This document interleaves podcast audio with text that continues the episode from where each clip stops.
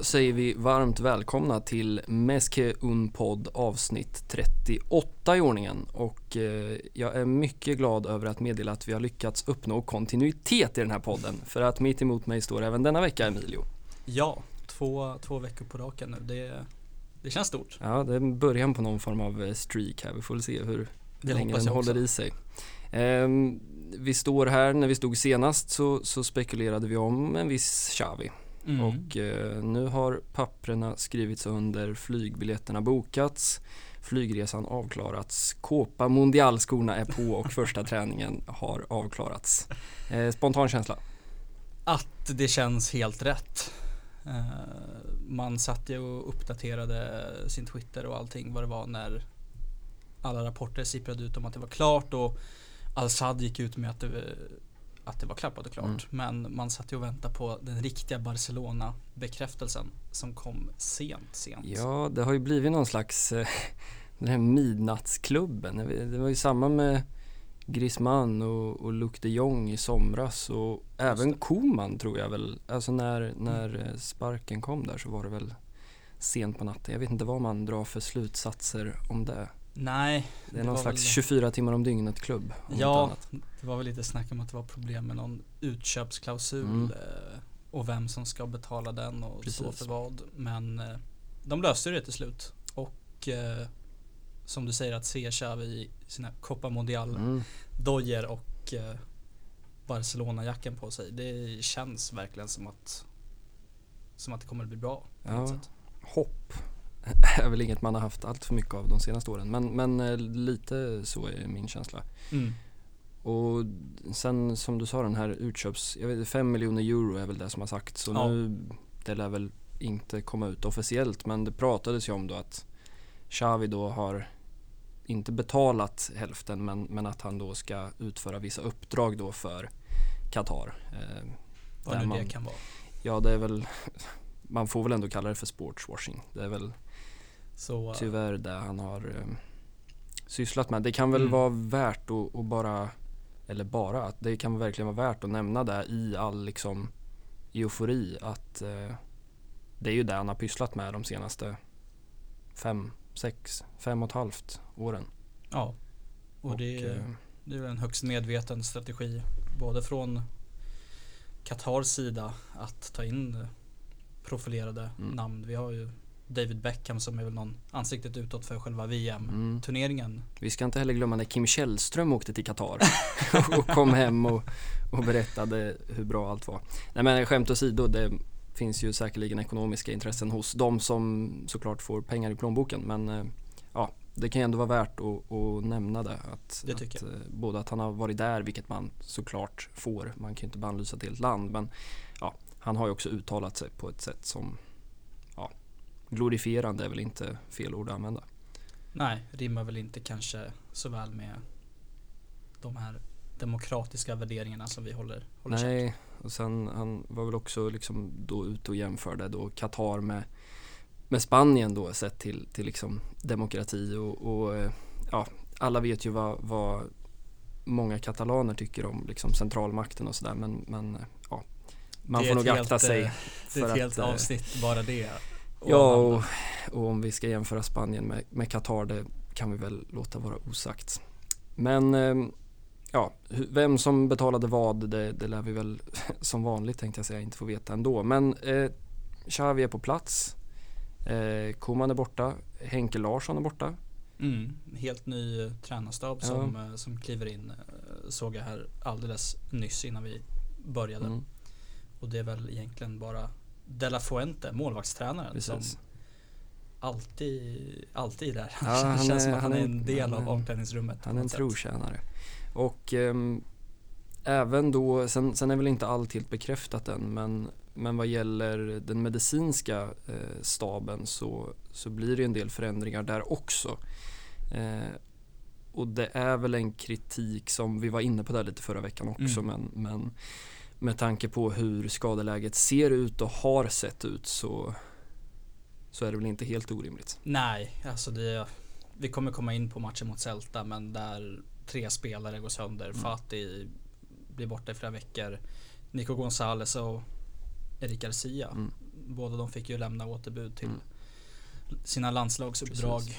Eh, och listan är väl, ja, väl 12 spelare lång i princip. Ja, det, det är väl... mm, 11-12. Jag för mig att Kviborg skulle hitta en startelva där inför matchen. Det, fick han väl då med, Ja. med tre spelare till Ja. då. Ehm, sen kan man ju, eller jag blir så där att jag satt och funderade på vems är ansvaret och vi kommer väl in lite på det också, vilka, vilka liksom förändringar som, som Xavi kommer att eh, vidta och redan har vidtagit. Men, men just det där, spelare går sönder och spelare har ju gått sönder på den nivån känns det som så att man inte längre kan prata om slump. Nej. För det är klart att en spelare kan ju dra en baksida. Eh, Alltså, det kan ju hända. Men, men det känns inte riktigt som att det är fallet här. Nej, det är spelare som skadas och också vad det verkar som skjutsas in i spel alldeles för Mm. snabbt. Det är rapport efter rapport om spelare som spelar med känningar Mm. Och, hit och dit och så blir de borta i veckor efter Mm. det. Eh, och det är smärtstillande och det är hela fadrullan liksom. Ja, och det, det är väl en bra brygga för det var det jag tänkte säga. Vems, vems är då ansvaret? Eh, för det är klart att det är lätt att, att stå och peka då på, på ansvarig läkare eller, eller liksom fystränare. Samtidigt kan det ju kanske ha att göra med hela tränarstaben tänker jag. För att sen vet man ju inte exakt hur det har funkat men, men de rapporter man har läst gör ju gällande att det har varit slappt. Att spelarna är, det är nästan verklighetsfrånvänt att prata om, men att de är för dåligt tränade. Ja, det är en jättekomplicerad fråga. Säger en tränare måste väl kanske lita på att om det är grönt ljus från Mm. det medicinska hållet så ska han kunna räkna med den spelaren till 100%. Mm. Eh, samtidigt kan man väl också tycka att det borde finnas någon slags symbios mellan de två delarna. Verkligen. Att man inte kan särskilja dem allt för mycket. Eh, Nej, så det, och- det, är, det är jäkligt snårigt alltså. Ja, om man tänker det blir ju ganska mycket spekulationer naturligtvis men, men jag tänker också med den liksom diskussion som har varit om det här liksom gamla gardet med som nu då har rensats ut såklart i mångt och mycket med Messi, Suarez, Rakitic, Vidal. Ehm, men lägg till de fyra kaptenerna med Busquets, Alba, eh, Sergio Roberto Piqué. Där man ju lite har fått känslan av att det här är liksom deras klubb. Här går vi ner och lajar lite och sen åker vi på tokbäng i Champions League och sen försöker vi igen. Mm. Lite där har ju varit känslan och med tanke på då, då kanske inte är så konstigt att det inte är högre nivå. Nej. Att det inte är bättre fart på träningar. Alltså jag, jag tänker att det hänger ihop någonstans. Ja, Alltså jag bara tänker som, nu är det tuffa jämförelser men det är väl där man vill vara någonstans. Jag tänker som med ett Pep City eller med ett Klopps Liverpool. Det känns ju som andra, helt annan värld. Ja, nej men jag tror du är inne på någonting där. Att eh, de kaptenerna som finns och som de fint kallas de eh, Vacas Sagradas. Eh, heliga kossorna. Att, eller kossorna, korna. Ja. Att de har kanske lite för mycket makt. Ja. Och det skulle väl kunna spilla över på, på det medicinska. Att om en spelare vill forcera så, så kanske man släpper iväg den. Ja. Eh, och det är ju inte alls bra. Men eh, vi hoppas ju att, eh, att det blir ändring. Ehm, och det har ju naturligt, alltså Kata, det ska vi också vara tydliga med att katalansk press är ju inte sena att liksom frossa i alla, liksom, de ser ju ett smörgåsbord av artiklar nu när, Ja. när Xavi kommer tillbaka. Men, men det som jag, Xavi Miguel i alla fall som, som en journalist som, som man väl ändå får säga har ganska hög trovärdighet eh, i jämförelse skrev ju ganska omgående om, om de här nya eh, bötessystemen helt enkelt som, som Xavi har satt in. Eh, och det är också ganska härligt att se. Sen huruvida de här summorna är exakta är ju, är ju svårt att, att veta då. Men, Mm. men det säger också något om hur mycket liksom de här fotbollsspelarna tjänar när man så här Ja, men kommer du sent till träningen så är det liksom 500 euro i minuten. Och en annan tänker så här, hmm, ska jag, ska jag välja den goda osten eller den lite billigare? Ja. Men, men det är en annan fråga. Men känslan utåt är i alla fall att nu, eh, nu händer det grejer, nu blir det förändring. Ja, lite mer ordning och reda. Jag såg också den där listan på Xavis nya regler. Mm. Eh, och det påminde ju lite grann om hur det var under Pep Guardiola. Mm. Där spelarna inte får vara ute sent och hålla på med aktiviteter som innebär någon form av risk. Eh, Telefoner på träningsanläggningar. vara på plats en och en halv, två Mm. timmar innan, käka tillsammans. Det, är, det är ju väldigt mycket att, att Xavi återtar kontrollen, verkar det som. Det känns ju så. Och det är ju precis det som behövs. Det behövs någon som styr och ställer och ställer krav Mm. eh, på spelarna. Och det har jag också varit inne på att det är de som, kommer, de som presterar bäst på träningar är också de som kommer få chansen. Mm. Eh, och så borde det ju vara. Och det känns Ja, konstigt det- att vi inte tar det som en självklarhet. För Nej, det känns ju inte som rymdforskning. Men, Nej. Men eh, ja, det känns ju inte orimligt att det inte har varit så med tanke på hur det har sett ut de senaste åren. Det var väl, eh, jag vet inte, Pep tog det väl, det ska man väl kanske också vara tydlig med att han kanske tog det Sen tror jag kanske att han har lärt sig ganska mycket sen dess men att där och då när han var grön under de här fyra åren, Mm. grön och grön, han vinner en tre- sex tupp eller första året. Men, Ja. men att han var så kanske extrem åt det andra hållet så att det till slut slog över. Mm. Sen tror jag kanske att han nu har hittat någon balans efter tio år. Men eh, det är väl egentligen, Tito hade ju såklart samma Mm. och jag, vad jag förstår så har även Lucho haft Mm. ungefär samma system men, men att sen Valverde och sen med Mr Kike Setien och, och Koman så, Mm. så um, har det sett Ja. annorlunda ut. Nej men Xavi har ju varit med där på, på spelplanen eh, under den tiden. Så man får ju Mm. hoppas att han har lärt sig och vet vad som funkar och vad som kanske inte funkar. Ja, han har ju Det är en jäkla kvartett han har med Van Schall ska man inte glömma. Jag tycker ofta att han får man, man, hans, hans liksom resultat och hans person, man får ju ta det för vad det är, men liksom fotbollsromantiken och fotbolls, fotbollstränaren, fotbollsfilosofen van Schall. Mm. Jag tror det är svårt att hitta en bättre skola. Nej. Och så kommer Frank Rijkaard och så har du Pep och så har du Tito Ja, och Lucho ska, en in, säsong. ska inte glömmas bort. Nej, i en annan. Så, så, så det, är ju, det är ju en eh, jag vet inte, är det fotbollsutbildningens svar på Hogwarts? För Ja, det är väl någon Mount Rushmore Ja, med, med Harry. Potter-referens man inte bottnar i. Men man, min, vi kan ju, det är härligt nu att kunna stå och prata lite för förra veckan så hade vi ju inga papper på borden liksom, vi hade inga kontrakt signerade. Nu kan vi verkligen stå här och prata om Xavi som Barcelona-tränare. Mm. Och min, inte första tanke ska jag inte säga, men en tanke som kommer ganska tidigt hos mig är det får inte gå fel. Nej, så, så är det ju. Eh, man har ju lyckats bränna så många chanser nu att Mm. Man drar upp liksom. Det här är liksom trumfkortet. Och om inte det funkar så står man ju där med, med en tom hand i princip. Ja, Eh. och, och liksom just, jag tänker också för Xavi, alltså Xavi som liksom jag tänker om, om Koman har liksom fått sin historia som spelare nedsvärtad så, så är väl Xavi liksom när vi går in där vi står idag så är väl Xavi inte störst såklart för vi har en viss argentinare men, men han är väl en av de absolut största. Eh, Ja, Både liksom som spelare och på något sätt är han väl liksom Barcelonas fotboll personifierad. så är det ju. Han är ju det levande liksom eftermälet av liksom Johan Cruyff och, Mm. och hela den, den biten. Eh, Och det där vad, vad liksom händer då eh, liksom om, om ett och ett halvt år när det inte alls har funkat. Alltså där, jag vill inte ens tänka, vi får inte hamna där. Alltså jag, jag tänker att det är så enormt stora insatser. Jag vet inte vem som skulle träna Barca för att jag skulle känna att insatserna var så, så höga som de är här. Nej, så är det ju. Sen eh, har han väl någon ursäkt att dra. Det vet jag inte om man kan kalla men han kom ju in under en turbulent period. Nu ska vi liksom inte måla fan på, vägg, på väggen innan det ens har börjat liksom. Men, men det kommer ju inte vara lätt eh, att, att fixa det här. Det är nog alla medvetna om. Mm. Eh, Men att han på något sätt tror jag också ser sig själv som, som mannen att göra det. Mm.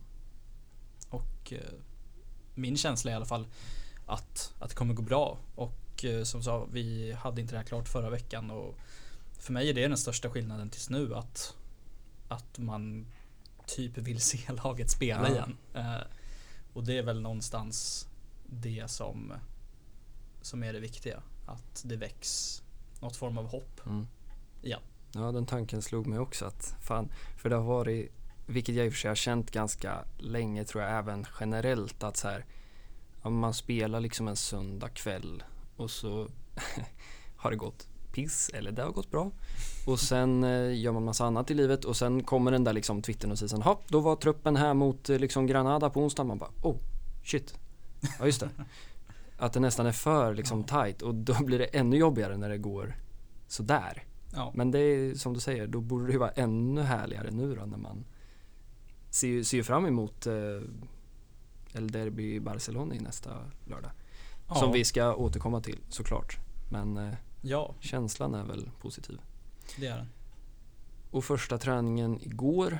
Eh, vi måste prata lite mer om Xavis outfit. Alltså den är den är 5 plus. Den, oh, herregud vad bra han ser ut i, Ja, i sina skor. jag såg också den, eh, veckans kanske mest eh, on point tweet. Eh, liksom, den största frågan nu är hur ska vi kunna förstöra Xavis hår?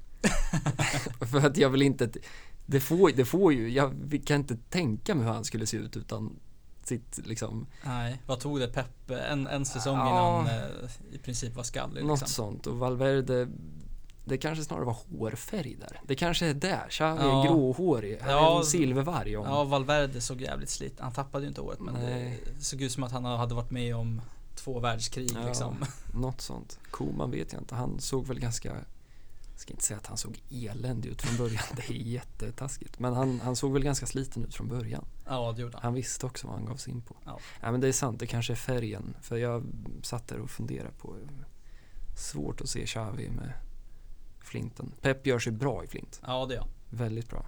Med Nej men också. Chavis med liksom bara vaxet i håret och Ja, dra det exakt, bakåt från de här exakt. spikarna. Ja. De hoppas jag kommer att leva ja kvar. de, får, de får aldrig dö. Nej. Och så den här liksom buff, buffjackan och så de här som gör, det är ju en hatkärlek till de här tajta, tajta, tajta, tajta tightsen. Som, eh, visst var det Schreuder som körde dem när han fick eh, plocka någon match där efter att Koman åkte upp på läktaren? Ja jäklar, och det var inte mycket som lämnades till Nej, fantasin när han hade dem man på sig. kände eh, någon form av liksom så här manlig samhörighet och, och sympati för Ja, jag vet inte om han hade tänkt till det på morgonen. Men, Nej. men Xavi hade buffjackan i alla fall som, som komplement och så Copa Mondial. Copa Mondial skorna på, Ja, snörade. ja. Det, det, just den här delen av dagens podd är ju otroligt osympatisk. men eh, fan vad man gillar. Ja, är vi inte så källkritiska och Nej. objektiva och Nej. allt sånt där nu utan nu eh, Ja, är lå, låt oss drömma, vad Ja. fan. Det, det har gått... Ja, hur lång tid har det gått? Typ. Knappt en vecka väl? Nej men jag tänkte sen man, sen man hade drömmar sist. Ja, oj. Ja, det är betydligt jag, längre än vet, jag så. vet inte, någonstans liksom 16-17 när vi åker till Turin efter La Remontada.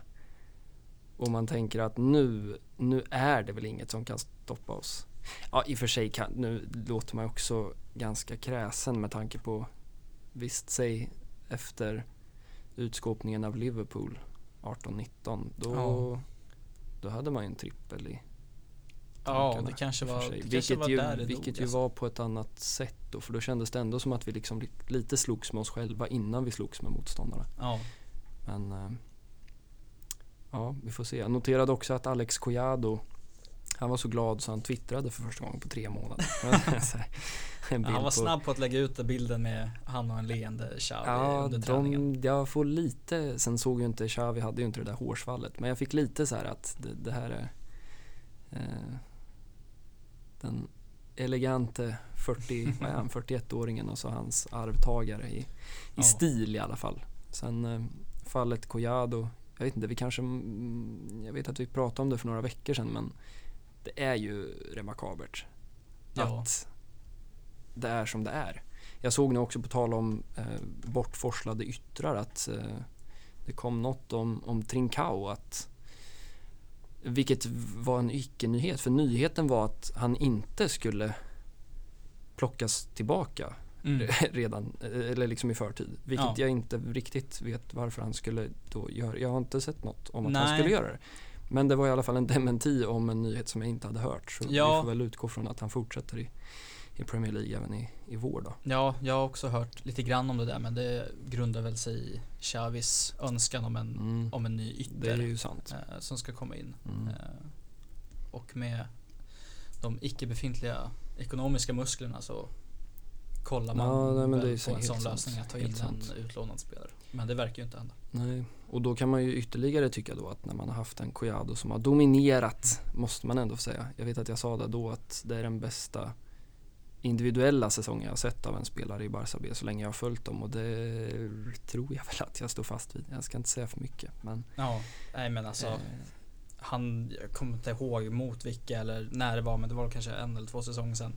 Men han gjorde ju något riktigt överjävligt mål. Där han, han klackar Liksom, in bollen på slutet. ja, han tu- tunnlar två försvarare i liksom utkanten Mm. eh, av straffområdet. Det måste ju vara, är det inte då schackrute-tröjorna? det måste det ju. Alltså, vad är vi då? Det är väl två år sedan. 20, 21, 19, 20, 19, 20. Ja, 1920. Ja för det är ju då, det är ju den överjävliga generationen där med, det är ju 99 med, ja. Kunna ställa upp med ett mittfält i Segunda B med Moncho, Ricky Push just och Collado Ja. liksom. Och, Nej men det är ett helt övernaturligt mål nästan. Ja, som har fått alldeles för lite uppmärksamhet. ja faktiskt.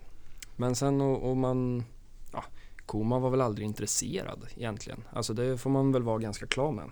Eh, I somras liksom. Ja. Och, och så lyckas man fippla bort först Klubb Brygge som då, om jag förstod det rätt, skulle ha då en utköpsklausul, vilket då Collado inte ville eftersom Nej. han, ja, han vill ju inte, det är lite Ricky Push syndromet, jag vill inte Ja. vara någon annanstans.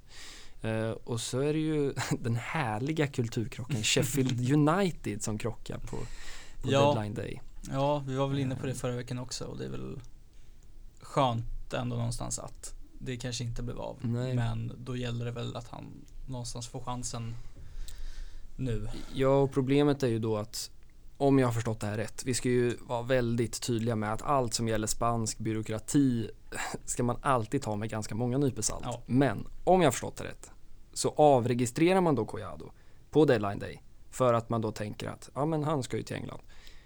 Det skiter sig. Och då lyck jag vet inte om man då inte lyckas eller om man inte får registrera Mm. honom igen.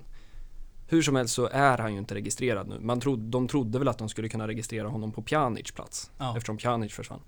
Funkade tydligen inte. Och nu verkar det som att man inte kan registrera honom i januari heller.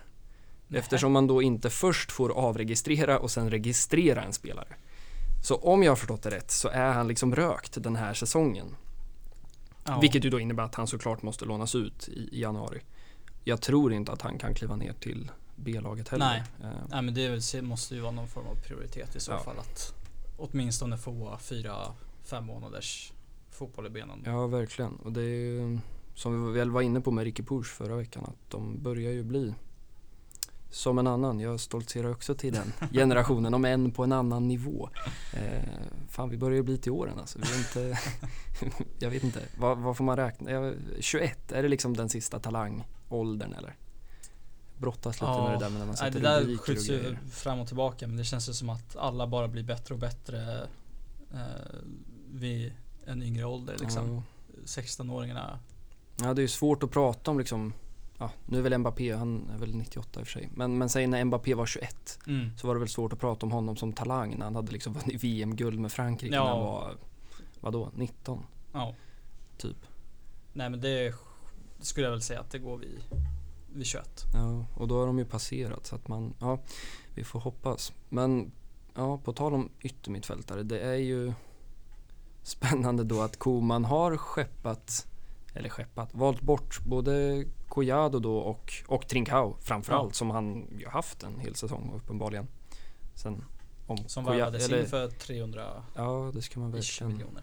Innan Koman kom, ska Innan man ju ha klart för sig. Men eh, sen kan man väl ganska objektivt säga att Trincao kanske inte riktigt var redo för att ta en startplats än. Nej. Men han fick kanske inte heller riktigt chansen. Han har gått bort, Collado har gått bort, eh, Yusuf Demir, också ett minne blott känns det som. Ja, Eh, Dembélé har varit skadad, är skadad igen. skadad? Eh, tragikomiskt nog får man väl säga.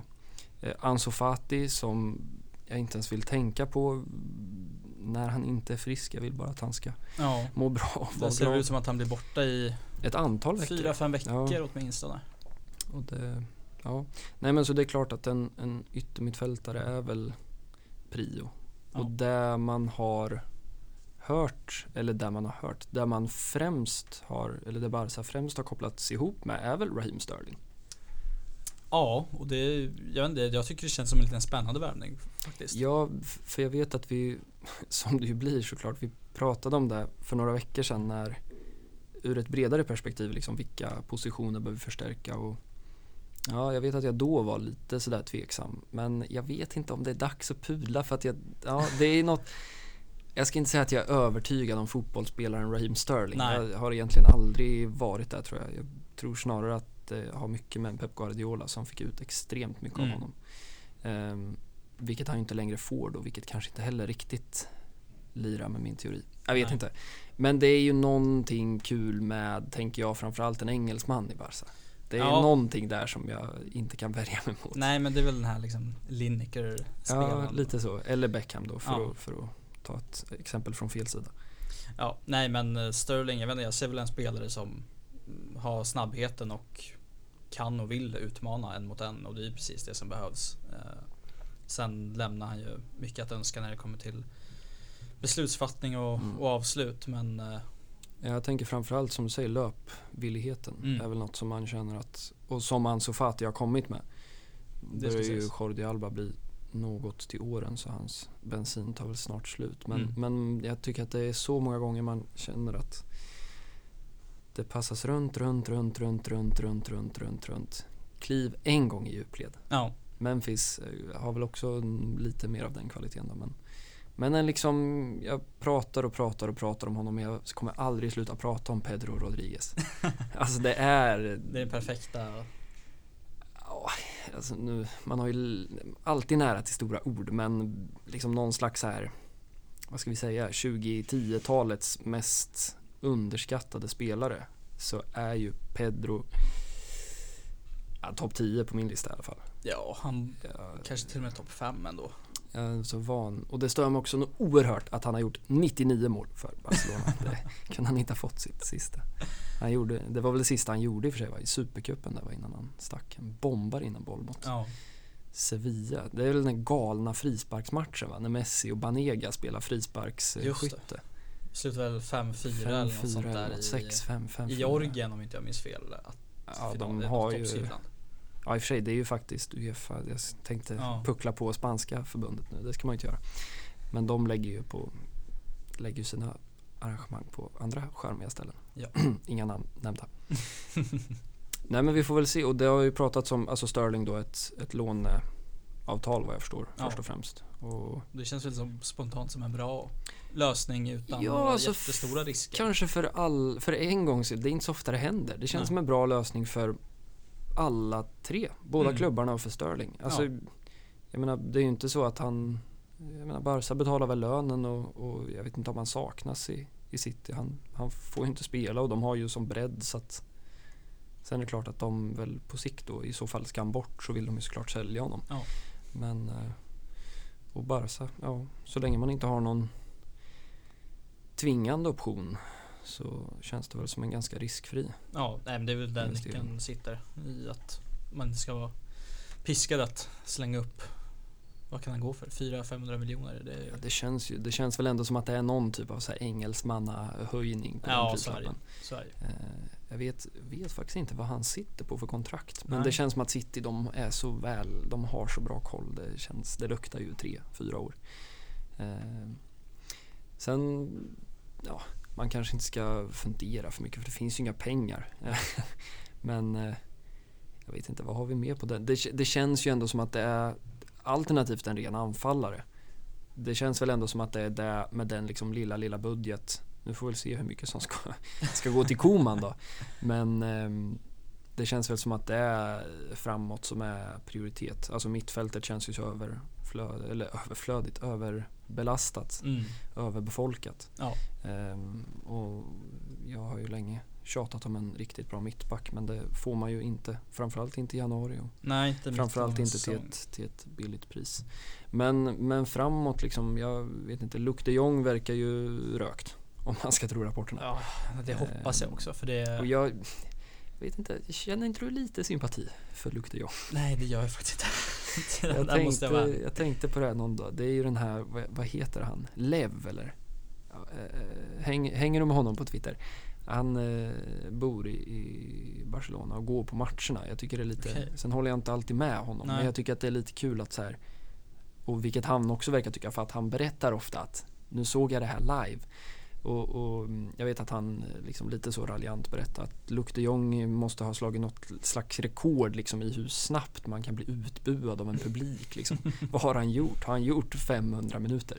Knappt alltså. Ja, Ett par starter. Men liksom nej men han, alltså det är ju Han är ju en spelare som egentligen går emot allt vad Barca står för spelmässigt. Ja, och Och det är tänker jag därför, framförallt är väl problemet att han är för dålig. Ja, Alltså det, det som att, jag tänker Olivier Giroud känns som en spelare som har kopplats ihop med Barca år efter år efter år Mm. efter år i de här lösa ryktena. Jag hade inte, jag hade haft lite problem med det, men jag hade liksom inte i sig haft ett problem i att ja men sista 15 så slänger vi in en kvalitativ tung forward ja. som ett alternativ. Alltså, sen, ja, Nej, beror det är på hur, hur mycket liksom filosof man ska vara men men problemet med Luc de Jong är ju att han är inte, han är inte tillräckligt bra på det han ska vara bra på. Nej, för det, att, eh, det kommer ju till de här matcherna några gånger om året där, där det behövs. Där Mm. Det är 0-0 i, i 85 och Mm. man får inte hål på, på ett Levante som backar hem med, med 10 utespelare. Liksom.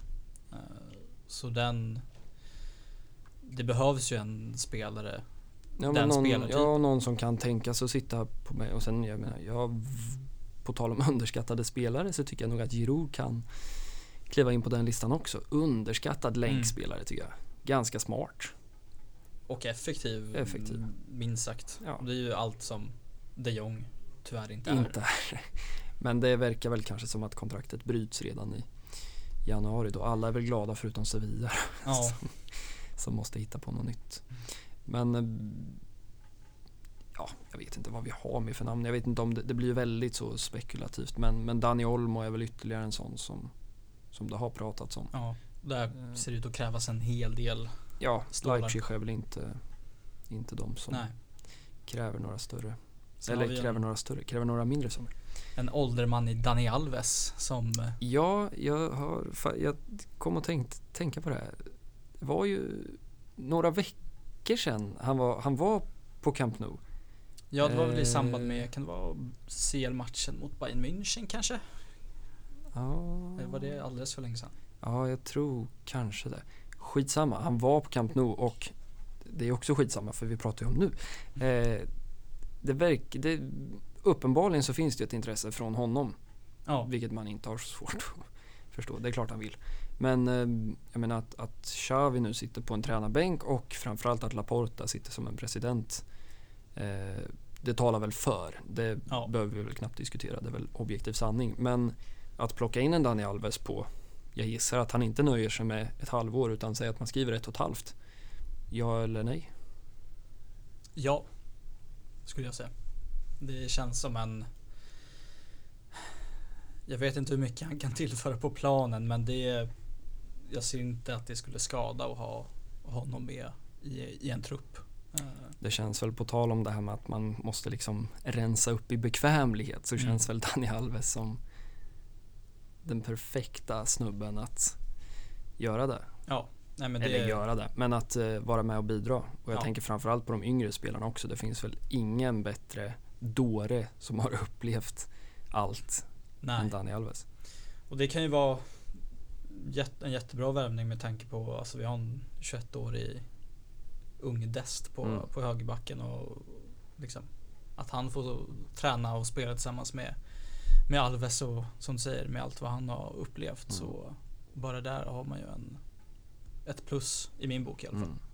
Jag vet inte om man är för cynisk eller om man å andra sidan är för romantisk. Men jag tänker att i grund och botten handlar väl mycket om det ekonomiska också. Alltså kommer du hit och spelar i princip gratis men vi, vi har nog inte utrymme att betala Nej. några större löner. Men Så eh, är det. säg ett, ja, ett kontrakt. Jag är nog beredd att hålla med dig att jag hade välkomnat honom. Även om han inte hade spelat en enda minut. Vad fan, låt oss vara lite romantiker. Det här blir Copa Mundial och de gamla spelarna som kommer tillbaka avsnittet. Ja. Eh, det, det har, jag tänker just när Xavi kommer tillbaka så känns det också som Nu tar de väl med sig sin stab som han har haft i Al-Sad då till stor del men Jag tänker att sådana som, och också när Bartomeu är borta För det har ju Xavi sagt I princip hela tiden och, och efter att Bartomeu försvann så har han ju kunnat säga det helt öppet att Ja. Klubben har kontaktat mig två gånger Mm. och jag har tackat nej För att det var inte rätt personer som fanns där Nej. och jag såg inte klubben som att de var på rätt plats. Om vi är på rätt plats nu vete fan. Men eh, vi har ju förutsättningar att ta oss till rätt plats i alla fall. Men eh, andra liksom spelare från det här gänget. Alltså en Puyol. Iniesta har väl lite kvar att göra i Japan. Eh, Rafa. Marquez. Eh, Abidal. Det känns som det. Victor Valdes. Ja. Alla de som du nämner har ju haft, förutom Marcus kanske, haft en roll i klubben under Bartomeu och det har väl inte gått sådär jättebra. Nej. Eh, Alla har väl lämnat på grund av någon anledning. Eh, Ja, Puyol försvann ju tidigt. Han var ju, han var, det var väl redan liksom på Subisaretas tid som han var någon slags obskyr assisterande sportchef. Ja, de hade väl något form av partnerskap Ja, eh, i den rollen. jävla underskattad sportchef på sitt sätt alltså. Ja, Men där och då, jag vet, ja. Nej, men det kanske var bäst för alla att han fick gå. Abidal är väl den som har, som jag fortfarande, för mig är det fortfarande oförståeligt. Alltså efter att, nu var ju inte Bartomeu där, men, men liksom om, om Rosell är någon slags chefsideolog för den här, vad ska man kalla det? Nu är vi där och pratar om de här Ja. igen som alltid. Vad ska man kalla dem? Infiltratörer från Madrid eller motståndarrörelse eller vad är Ja. frågan om? Jag vet inte vad vi ska ha. Juntan som Ja. de säger. Det är väl kanske det bästa namnet. Man älskar ju de spanska smeknamnen. Nej men jag tänker med tanke på hur de behandlade Abidal eh, som mer eller mindre inte sparkades ut bakvägen men, men eh, Han fick väl, han hade ett kontrakt trodde Ja. han. Men eh, sen när det blev maj så fanns inte det kontraktet längre. nej, Och, och just att då liksom komma tillbaka och jag tänker att han borde också ha förstått eller för mig var det i alla fall väldigt uppenbart att han blev en sån stark symbol för Bartomeu. Titta här. Ni, ni säger att vi hatar Laporta och allt Mm. som han stod för. Vi hatar Pep. Titta vem jag har. ja, Här är han. på, i sin ringhörna. Ja. Och det Så. gick ju åt skogen. Eh, liksom när en Leo Messi börjar skriva Instagram-inlägg. Då... Eh, Ja, det blev ju oerhört infekterat och stökigt där ett tag. Eh, Men eh, ja, jag vet inte om det är dags här och nu. Det där känns som en fråga inför kanske nästa Mm. års säsongstart. Verkligen. När man förhoppningsvis har satt kanske lite en grund i, i spelet och i organisationen med Xavis intåg. mm, Men, det ser vi fram emot. det ser vi fram emot. Men vi måste nog också avsluta eh, Vi kommer ju prata Xavi 92% av alla avsnitt framöver. Mm. Men eh, vi ska också avsluta kapitlet eh, Interim Sergi Ja, som har blivit någon slags running gag här. Jag älskar det redan. Ehm, som ju var snabbt tillbaka som eh, sin ordinarie roll i Barça B såg jag. Det var väl de spelar ju i Celta och sen tror jag han var tillbaka liksom morgonen efter då i, i right. träning. Eh, det är också lite komiskt att Barça B har gått väldigt bra under Mr Capellas som fick ta över. Han är ju en riktig, på tal om fotbollsideologer. Men eh, ja, Barjuan är tillbaka i Barça B. Men ehm, det jag skulle komma till i denna långa utläggning var matchen mot Celta Vigo naturligtvis. Eh, som ju hade två halvlekar. Eh, och det har väl sällan Ja. varit mer relevant att dela upp en fotbollsmatch i två halvlekar. Nej, verkligen. Det bjöds ju på stundtals väldigt fin fotboll i Mm. den första halvleken. Och ja, jag njöt av att se de första 45 Ja, det var Eh, nästan ovanligt. Ja, de är ova Eh. precis ovanligt bra och nästan som en chock. Ja. Men eh, just med tanke på, som vi var inne på i, förra avsnittet, hur svårt det är eh, uppe på Balaidos. Eh, och att sätta tre bollar på en halvlek vet jag inte om jag har sett dem göra där någonsin. Nej, yt, ytterligare. Det är många fotbollsfilosofer idag. Codet, han, Ja. han såg ganska stressad ut i halvtid. Eh, nej men alltså en, en jätte, nej inte jätte, vi ska inte ta, men en fin, fin första halvlek alltså. Verkligen. Eh, och Memphis-målet är ju ett riktigt, riktig upprullning. Ja. Och Busquets, Busquets slog till. han är, jag älskar när Ja. Busquets gör mål. Han blir så, han tittar omkring, vad ska jag göra nu? Ja, Det- han visste liksom inte vad han skulle göra med sig själv. Nej, liksom. och alla blir så jäkla glada också. Det, Ja. Det är alltid fint. Alltid så. Jag vet inte vad han har gjort nu. Var det mål så här 11 eller 12 tror jag. Ja, tio kanske. Typ. Han har väl ett mål per säsong då Ja. kanske. Ja. Ehm, ja. I- Innan vi går in på den andra halvleken så kan vi väl prata lite Nico Gonzales också.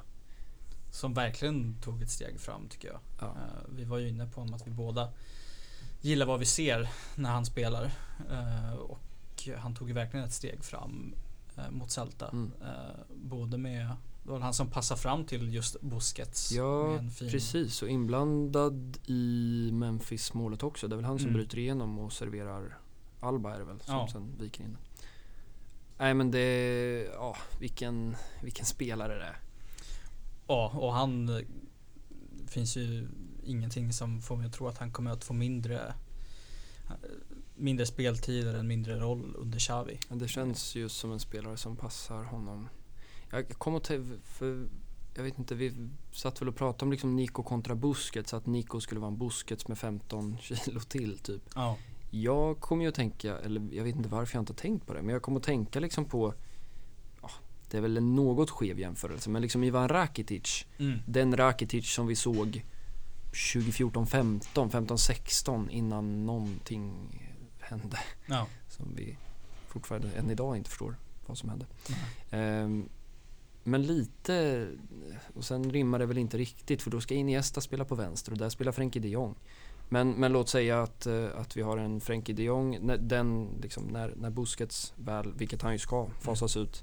Säg att du har en Frenkie de Jong eh, och så har du en, en Nico som sexa och en, en Gavi som åtta eller en Pedri som Ja. åtta. Ja, Pedri Eller har vi Enrique som nästan, åtta. nästan glömt i den Ja. diskussionen. Och det är också, alltså, det, när man funderar på de, de, i alla fall de, vi ska väl vara försiktiga med att prata om Ricky Push för att det finns ju att jobba på. Framförallt nu när han har, alltså han har Gavi, han har Nico, han har Pedri framför sig. Det är en del. Eh, och han är 22, de är liksom, jag menar Gavi han är knappt myndig liksom. Ehm, och så har vi en Frenkie de Jong, så oavsett, alltså de fem namnen är ju Ja, man kan i alla fall vara trygg med mittfältsframtiden känns det som. Absolut. Då har vi liksom en Collado, vi har en Elias Moriba, vi har en eh, eh, Vad var det sista namnet? En Monchu Som jag tycker glöms bort. Mm. Nu kommer väl han inte, ja, han kommer ju få en habil La Liga-karriär såklart. Men eh, så bra som han var i Barça B. Eh, och jag menar vi snackar, vad snackar vi då? Ricky Push, ja Frenkie de Jong får väl hänga med dem, men Ricky Push, generationen 99 till Gavi 04. Alltså det är fem år. Det är ganska mycket i dagens fotbollsvärld. Ja, men också tänka att på de fem åren lyckas La Masia producera de, de här mittfältarna. Det är ju, ja man får vara tacksam. Det ser fortfarande bra ut på, på den fronten. Ja, det känns som att det är något man aldrig behöver oroa sig för. Nej. Mycket kan man oroa sig för men Mm. de kämpar på där nere på de små planerna. Ehm, men det kommer ju en andra halvlek för att återgå till eh, matchen då i helgen. Som, ja, ja, jag, vet, jag vet faktiskt inte vad man ska säga.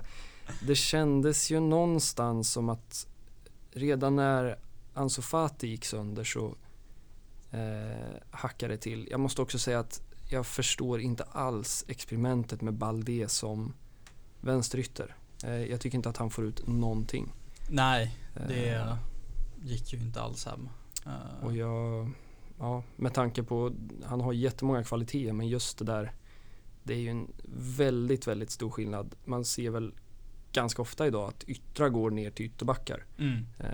Snarare än tvärtom. precis, och det kan nog finnas en anledning till det. Ja, Nej, men otacksamt för Balde som Verkligen. Var, han har väl inte gjort två matcher, liksom, Nej. fulla matcher i A-laget. Eh, och ta upp en ny position liksom, borta Verkligen. mot, Det, mot Celta som jagar, jagar poäng. Liksom. Ja, nej, inte bra för någon.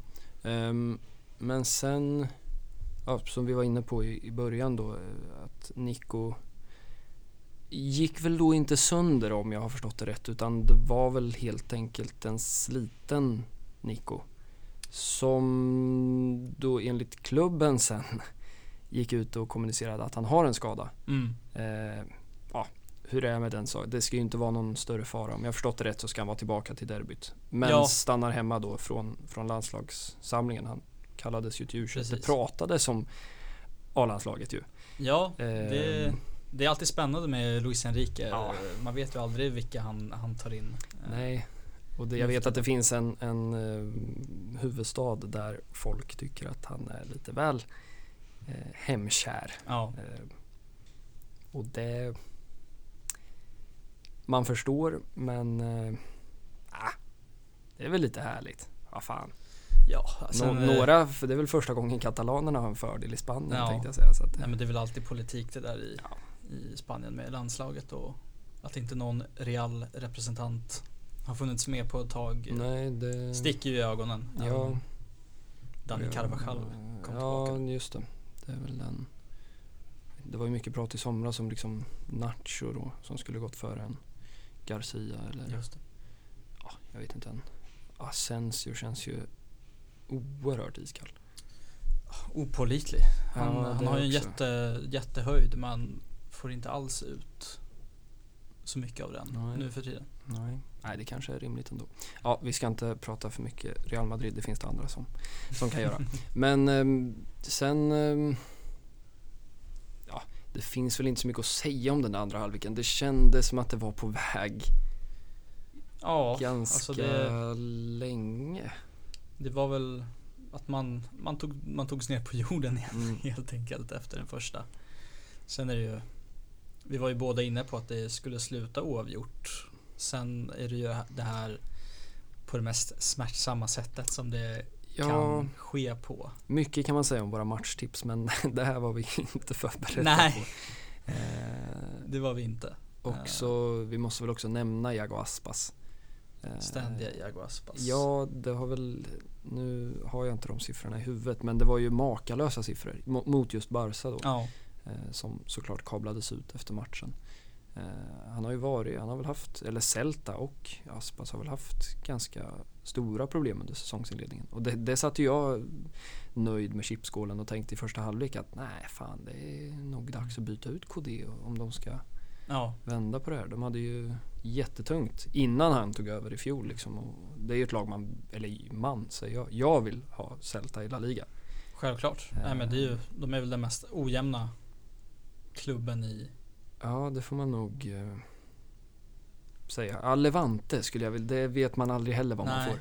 Eh, Men de kan också ha en väldigt så här bra säsong. Men det Mm. känns som att Celta oftast pendlar. ja, det är sant. Under en säsong kan de pendla Ja, det är oerhört sant. mycket. Att Det är de sant. inleder med liksom 15 matcher där de är på undre halvan av tabellen Mm, och sen, sen har man en det. supervår och plötsligt nosar på Europaplatser Ja, igen. Liksom. Och så blir man åtta varje år.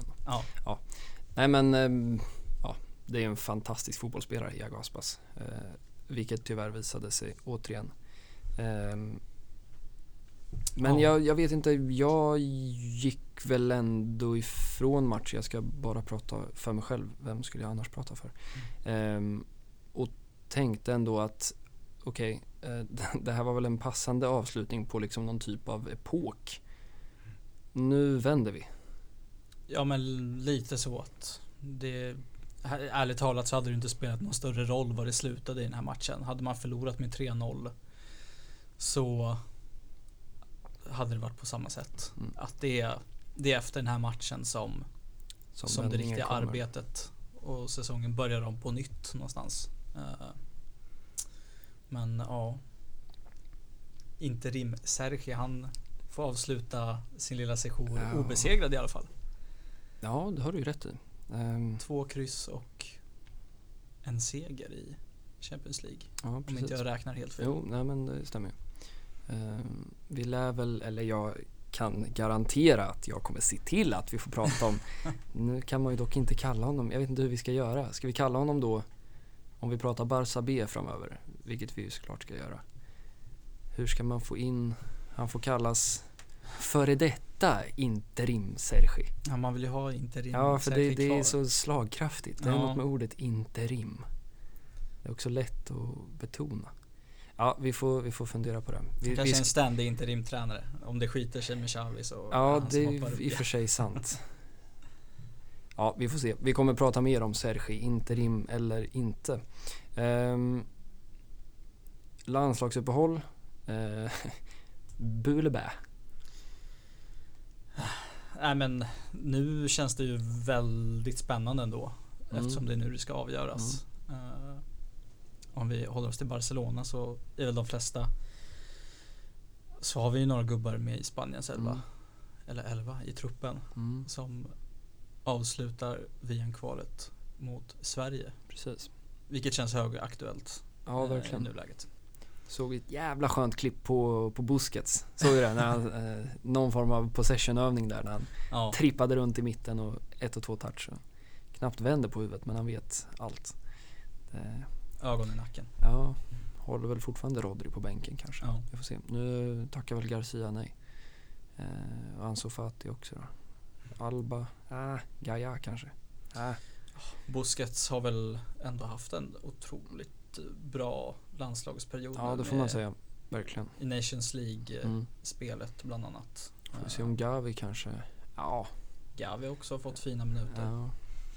Nej men det blir spännande och jag noterade också att var det Marca som körde Alexander Isak eh, första sidan Ja. där han stod med Larial och svenska tröjan. De har en otrolig respekt för honom nu. Ja, det tycker jag. På tal om potentiella nior tänkte jag säga men det får vi väl återkomma till. Ehm, men vi får väl också, jag tänker det är ju ganska tacksamt för Xavi att komma in. Det är ju en sån här klassiker liksom att vi plockar in tränaren under uppehållet så han får Ja. Vilket också är lite motsägelsefullt. Visst, han hittar i korridorerna men sen kommer ju spelarna tillbaka och ja, jag vet inte, det är inte många som är hemma alltså. Nej, vad var det? Fyra A-lagsspelare som... Ja, och sen har vi alla skador träningen. också. Jag vet inte vad vi har. Umtiti, Mingesa är ju hemma. Ricky Push. Breathwaite på kryckor. Ja, nej men Luke det de Jong. Luke de Jong är hemma. ska vi inte glömma.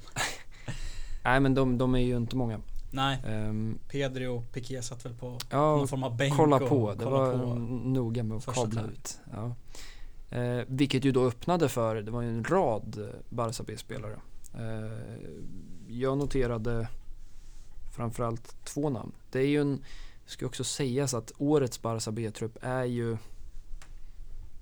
man har ju, nej, man har ju blivit väldigt, väldigt, väldigt bortskämd. Mm. Eh, och det är klart att när vissa då som slår igenom situationstecken för tidigt, alltså en Elijah Moriba eller en Gavi eller en Nej, inte en Ansu Fati, han är väl redo eh, åldersmässigt. Men de skulle ju bära det här Barca B nu. Och det är klart att när de går rätt upp i seniorfotbollen så blir det väl någon typ av glapp då. Men, jag vet inte, för liksom ett och ett halvt år sedan hade jag kunnat stå här och påstå att det finns en spelare på varje position som Mm. kommer att ha en rejäl chans på att ta sig upp. Och det är klart, nu har Nico också försvunnit. Balde som knappt då är redo, men han har ju suttit med på bänken, knappt gjort en minut. Ehm, Fan, är det svåraste tränarjobbet i hela världen låter det som? Att, Barca B? ja, Ja, det, så fort spelare överpresterar eller ja, når sin då flyr de. En, en högre nivå då Ja, försvinner de och så Också, också tänker jag, ett av de absolut häftigaste jobben Ja. man kan ha. Alltså som Pimienta då, eh, som verkligen lyckades. Mm. Eh, kanske inte då helt resultatmässigt, ska vi ju då bara så. Alla vet vilken sida jag står på. Men eh, ja. Men det finns ju ändå några spelare. Eh, några spelare som jag verkligen gillar. Lucas de Vega, en Peke, en mm. Jandro Oriana som jag pratat om alldeles för mycket genom tiderna. Men ja, svårt att se att någon av dem. Jag tänker väl egentligen att det finns tre spelare av dem som faktiskt är uppe nu. Det är väl dels målvaktspositionen då med Mm. Arnautenas. Eh, där är väl ännu så länge är stängt då men ehm, som ju har, har varit, ja nej, det är ju sant men jag tror kanske att Iñaki Peña får Får plocka andra slipsen då Mm. och så skickar man ut Tenas på lån och väntar på att Ter Stegen blir gammal och grå. Typ. Ja. Men ehm, ja, och Tenas har ju varit, och Peña också, mycket upp på tränarmålaget. Kan jag nästan garantera att de gjorde det nu också. Mm. Eh, Men de två namn som jag tänkte på som var uppe och tränade i, igår då.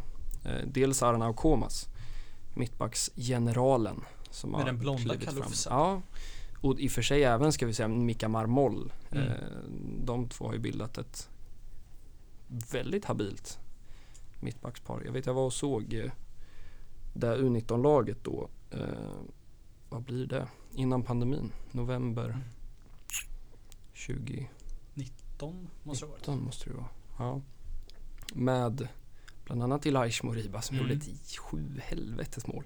Men det är en annan sak. Eh, nej men de två som, som mittbackar har ju varit bra. Och med tanke på hur mittbacksituationen har sett ut känns det inte helt orimligt att någon åtminstone alltså, petar bara bort Umtiti och så Ja. flyttar vi upp en av dem. Mika har ju fördelen att han är vänsterfotad. Jag tänker att en vänsterfotad mittback är ju med tanke på Piqué, du har Garcia, du har Araujo. Det är egentligen bara Langlais som naturligt. Man gillar ju att spela med en högerfotad och en Ja, vänsterfotad verkligen. bredvid. Även om Garcia har ju bevisligen klarat just den delen Mm. bra liksom som, som vänster alternativ också. Men eh, den spelare jag kanske framförallt blev väldigt glad över att se det är Ilias Akomac Ja. som eh, omtalad får man säga. Det har skrivits väldigt mycket om honom att han kan vara nästa nästa spelare att ta Mm. steget hela vägen upp till A-laget. Ja, fortfarande ung, väldigt ung. Men eh, det känns som en spelare som, som skulle kunna falla Xavi i smaken. På tal om yttermittfältare Mm. som behövs. Eh, gjorde två mål för Barca B i helgen. Mm. Eh, verkar ju, kan jag verkligen tänka mig nu, få, få chansen där på riktigt och, och ta en ordinarie plats. Eh, eller ordinarie plats, men i alla fall få ordentligt med speltid nu. Eh, ja, sista delen här och, och sen under våren. Eh, Men det är lite det där som är tjusningen med, med landslagsuppehållen. Att nu, och jag såg också att Xavi var på plats Ja. och såg Barca B i helgen. Eh, Det är ett gyllene tillfälle för Xavi och B-spelarna att, att göra sin lilla audition. Ja, eh, verkligen. För att se vad, man, vad han kan plocka upp och Ja, och sen ska jag väl också nämna då Alvaro Sanz och Abde. Som ju, nu får jag äntligen säga det igen, kanske sista gången, inte Rimsergi plockade med sig upp. Eh, nu kunde ju då inte Abde spela i Champions League så han var inte med då. Men eh, gjorde ju ett inhopp mot Celta då. just det. Som väl kanske inte går till historien som det mest lyckade. Men eh, de två ska väl också nämnas liksom. Jag tror inte att Sans har en, en chans om jag ska vara uppriktig. Men, men Abde är väl också, det är ju lite det där, det är en klassiker att det gäller ju att du kommer upp i rätt tid Mm. på rätt position. Ja, är Sen mycket är du, en, är du en Gavi eller en Ansu Fati kommer du alltid få chansen. Men Lex Mingesa så kan man väl säga att han hade inte fått chansen om Dani Alves hade varit där och Nej. ockuperat positionen. Till exempel. Och där måste jag komma med en liten bekännelse. För i förra veckans avsnitt så pratade vi en del med. Gesa. Ja. Eh, och när jag kom hem så tänkte jag, fan gillar jag Miguez eller inte? Och jag gör fan inte det alltså. Det är någonting med den här hästsvansen och den, den måste liksom bort Det är alltså. tvära kast. Ja, nej men nu har jag bestämt mig Ja. att eh, jag vet inte fan, nej. Diss på Migueza Ja. från min sida. Ja, jag, som jag sa förra veckan, jag ser många brister men, men det är någonting charmigt. Dels med honom, med spelstilen och hela liksom historien. Att gå som tredje val som mittback. Göra en Barca B. Jag kommer ihåg förra säsongen premiären, han spelade vänsterback och jag tänkte vad är detta? Då trodde jag inte att ett och ett halvt år senare skulle han stå med 50 matcher, majoriteten som högerback Nej. för en A-trupp. Men ja, det är väl en härlig liksom, vi får väl se om han hänger i, hur länge han hänger i. Ehm, Men det är väl åtminstone en härlig, liksom, ett härligt bevis på att du behöver inte vara bäst hela Nej. vägen. Du behöver inte vara Ansu Fati. En Ehm, påminnelse till B-lagsgänget som Ja, jag tänker fan till varenda fotbollsspelare Mm. här ute. kanske som sagt, vi 99, vi är snart för gamla. Men eh, det, det, finns tid för, för vissa av er. Um, men vi får väl se om någon uh, får chansen nu uh, den 20 som jag så ordentligt kollade upp. Ja. Uh, för då är det derby, El Derby Barceloni. Ja, som vi inte hade förra säsongen när Espanyol var Just nere det. i Segundan va? Just det. För första gången på ett tag. Ja, Så det det blir, rätt i. det blir spännande och Ja. det brukar ju alltid vara riktigt hetskt. Ja, man det är väl, man tänker väl framförallt på Piqué som har, Ja, han har han, haft någon typ av beef med. han har ju haft beef mot, mot många. Ja, det ska Viktor Vasquez och Gerard Moreno när de Mm, spelade där. just det. Eh, Men eh, ja, det ser vi fram emot. Och det finns väl kanske inte en bättre match för Xavi att kliva in i och med allt vad det innebär och Nej, symboliken precis. i ett katalanskt derby och att han får göra sin första match. Mm. Eh, Så det ser jag fram emot. Det blir ruggigt spännande. Ja, det är också, jag kom att tänka på det här. Eh, och det är kommer jag på att tänka på nu. Det är ju fasen, nu är det ett landslagsuppehåll emellan, men det är tredje raka derbyhelgen. Det gillar vi ju. Ja. Det är Basken-derbyt och så Sevilla i söndags och så just det. med lite mellanrum då. Men det var det jag tänkte säga att ehm, jag satt och tänkte på Basken, det, att det liksom är så, eh, eller så, men någorlunda vänskapligt liksom. Mm.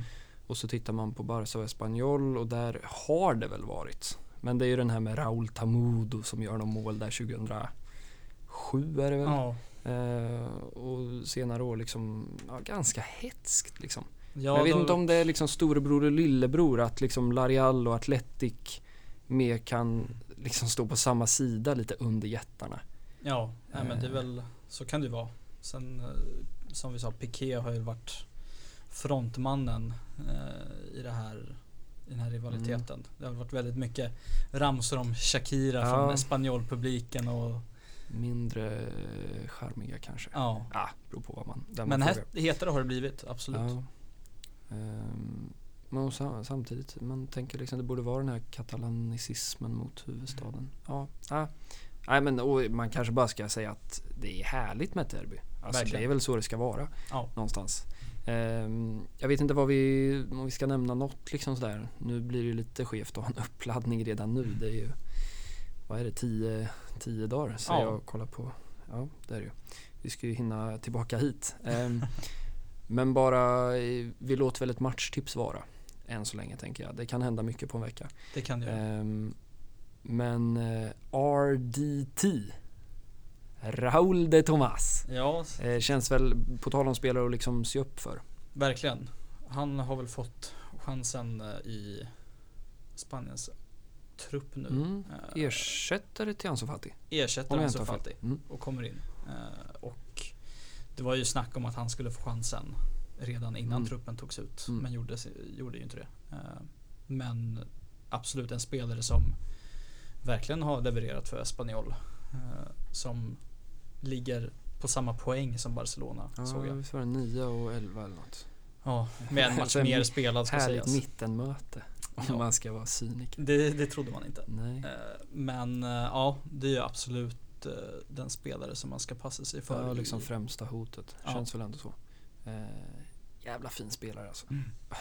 Med liksom rivalglasögonen avtagna. Ja, hade väl också, visst är det, det är så tråkigt om jag säger fel, men visst är det Rayo? Där han liksom breakar i, i ja så är det. Absolut, Ja. absolut. Eh, kommer ihåg han körde liksom någon slags, någon typ av underställ med liksom halskrage Ja. och sådär. Och så den här ganska tajta topp tre tröjor i La Liga, Ja. Tröjor. Det är lite som att han springer runt med, med en polotröja Ja, under typ. matchtröjan liksom. Och så den här liksom två burkar hårspray Ja, och, slickade. och så en riktigt klinisk forward. De, de har ju smak för forwards med Radamel Falcao som vi ju tyvärr minns från Några veckor sedan. någon- några veckor sedan. Ja. Nej men det blir spännande, det blir kul med, med derby. Det, hur mycket man än tyckte att det var kul att de åkte ur så lite tomt. Och också lite återkomst. Eh, ganska många, alltså Sergi Gomes har de ju plockat in från Sevilla, har ju Barca Mm. förflutet. Ojer, den härliga tredje målvakten. Som, Eh, som aldrig riktigt fick chansen i, i Barca. Nej, det kan man verkligen säga. Och en Aleix Vidal.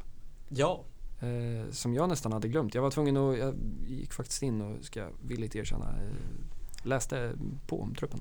Eller läste på, jag gick igenom truppen. Eh, nästan glömt honom. Eh, ja han hade ju sin lilla sejour. Eh, Han blev väl, hur länge blev han kvar? Det var väl inte mer än två säsonger kanske? Mm. nej, sen var det väl en, en lånesession va innan Ja. han Åkte ju på Kom ett tillbaka. truggigt benbrott Ja, kommer jag ihåg. Det är ju en viss Theo Hernandez. Då i Alaves. Alaves ja. Ja. Jävla fina de var den säsongen. Med Marcos Llorente också. Ja. Som, Möttes man inte också i en cupfinal den säsongen? ja. Ja, Jäkla Ja, popgäng då. shit. Ja, nej, det blev ju, det kändes som att karriären på toppnivå tog slut där och då, tyvärr. Verkligen. Eh, också en häftig karriär. Eh, jäkla massa klubbar. Han var väl typ på Grekland eller Cypern och vände. Och, ja, riktig, riktig brokig karriär. Ja. Men han slog i Sevilla, som så många andra. Några återkomster. Jag vet inte vad vi har i Barca. Det är väl ingen espanjolare som har varit på fel Nej, sida. det brukar väl vara... Inte, inte från liksom, de kan väl vara sådär 12-13, sen brukar det vara. Vi har ju för sig Ferran eh, Jutgla i B-laget som var eh, Espanyols B-lags stora eh, stjärna förra året som klev över nu. Han är väl, han kan vara 21-22. Eh, Det känns ju i övrigt som att de spelar, det är väldigt mycket så att de spelarna som inte riktigt får sitt breakthrough i Barca tar liksom steget ner och Mm. Ja, det är väl Girona finns ju nu också. Ja, de finns ju också. Men det är, det är klart, det är ett rimligt steg. Mm. Ja, men vi, vi ser fram emot det. Eh, men som sagt, vi, vi är ju tillbaka innan dess. Eh, Yes. och då blir det ordentlig matchuppladdning. Och så får vi se eh, om Spanien har kvalificerat sig för VM. Ja, Det, det det, kanske är det som blir eh, matchtippen här då. Med Ja. lite eh, naturligtvis svensk touch då. Vi skiter väl i Georgien på, då ska man väl spela, spela av förhoppningsvis. ja, nej, det är imorgon va? Ja, Fasen, hoppas det är en bra, jag kan ha, ja det ska vi, nu ska jag inte stå här och erkänna att jag kanske missar en landslagsmatch, det är ju genant. Ehm, nej men eh, Spanien, Sverige, eh, söndag kväll, det har jag faktiskt koll på. i Sevilla. Eh, I Sevilla. La Cartuja om inte jag minns helt fel. Det är väl där de brukar spela. Ja, fina, fina. Mm. Mäktig till och Ja, med arena. Ja. med sina löparbanor Ja. och hela paketet. Eh, nej men vad säger vi? 1-1. Jag tror på Sverige. Ja men jag tror Sverige löser det. Eh, och ja, någon form, något oavgjort resultat skulle jag Mm. väl också gå på. Eh, Det har ju funkat. det har ju funkat. Eh, så jag får vara lite tråkig och också säga 1 Ja. Då kan vi ju avgöra det i målskyttar. Jag drar till med Alexander Isak. Då, Det, det kan i och för sig, vi, vi kan ju ta Spaniens målskytt också för jag såg i dina ögon att du är sugen på Isak. jag är sugen på Isak. Men eh, ja, Spaniens målskytt. Det kan väl få bli en liten outsider och vem ska man slå till med? Inte, startar man måste, på topp. Ja, man måste också fundera, det är så jäkla mycket skador där nu också. Ja. Moreno är borta, Ferran är borta. Eh, Dani Olmo, det kan, alltså, vet du vem jag säger? Eh, RDT hoppar ju in i 84 och sänker in kvitteringen. Ja, Eh, fan vad härligt tipp. ja men Jag då är säger jag Gavi för jag tror att han kommer få chansen Ja det kan han ju, ja nu är man väl patriot ändå då. Med Men- Mikael Oyarzabal ute. Ja, Om inte jag minns det. helt fel. Ja, Han är ju också en startspelare. ja, just det. Så det finns ju verkligen chansen för, för honom att ta en startplats. Ja, det stämmer. Ja, vi eh, hänger med såklart. Eh, Det gör vi. Det gillar vi ju när eh, Spanien får uppmärksamhet även på svensk mark. Mm. Alldeles för lite. Eh, så även Katalonien. Men vi säger väl eh, tack för idag. Jag säger tack för att du kom hit och hängde en eh, timme. Tack själv. Och sen så ser vi vad, vad Xavi har för fotbollsskor om drygt en vecka. ja. igen. Bienvengut Xavi får ju också avsluta Verkligen, med. verkligen. Mycket, mycket, mycket. Ja, det är ett sentimentalt avsnitt, men vad fan. Det, det bjuder vi på. Vi hörs om en vecka. Det gör vi. Tja! Tja.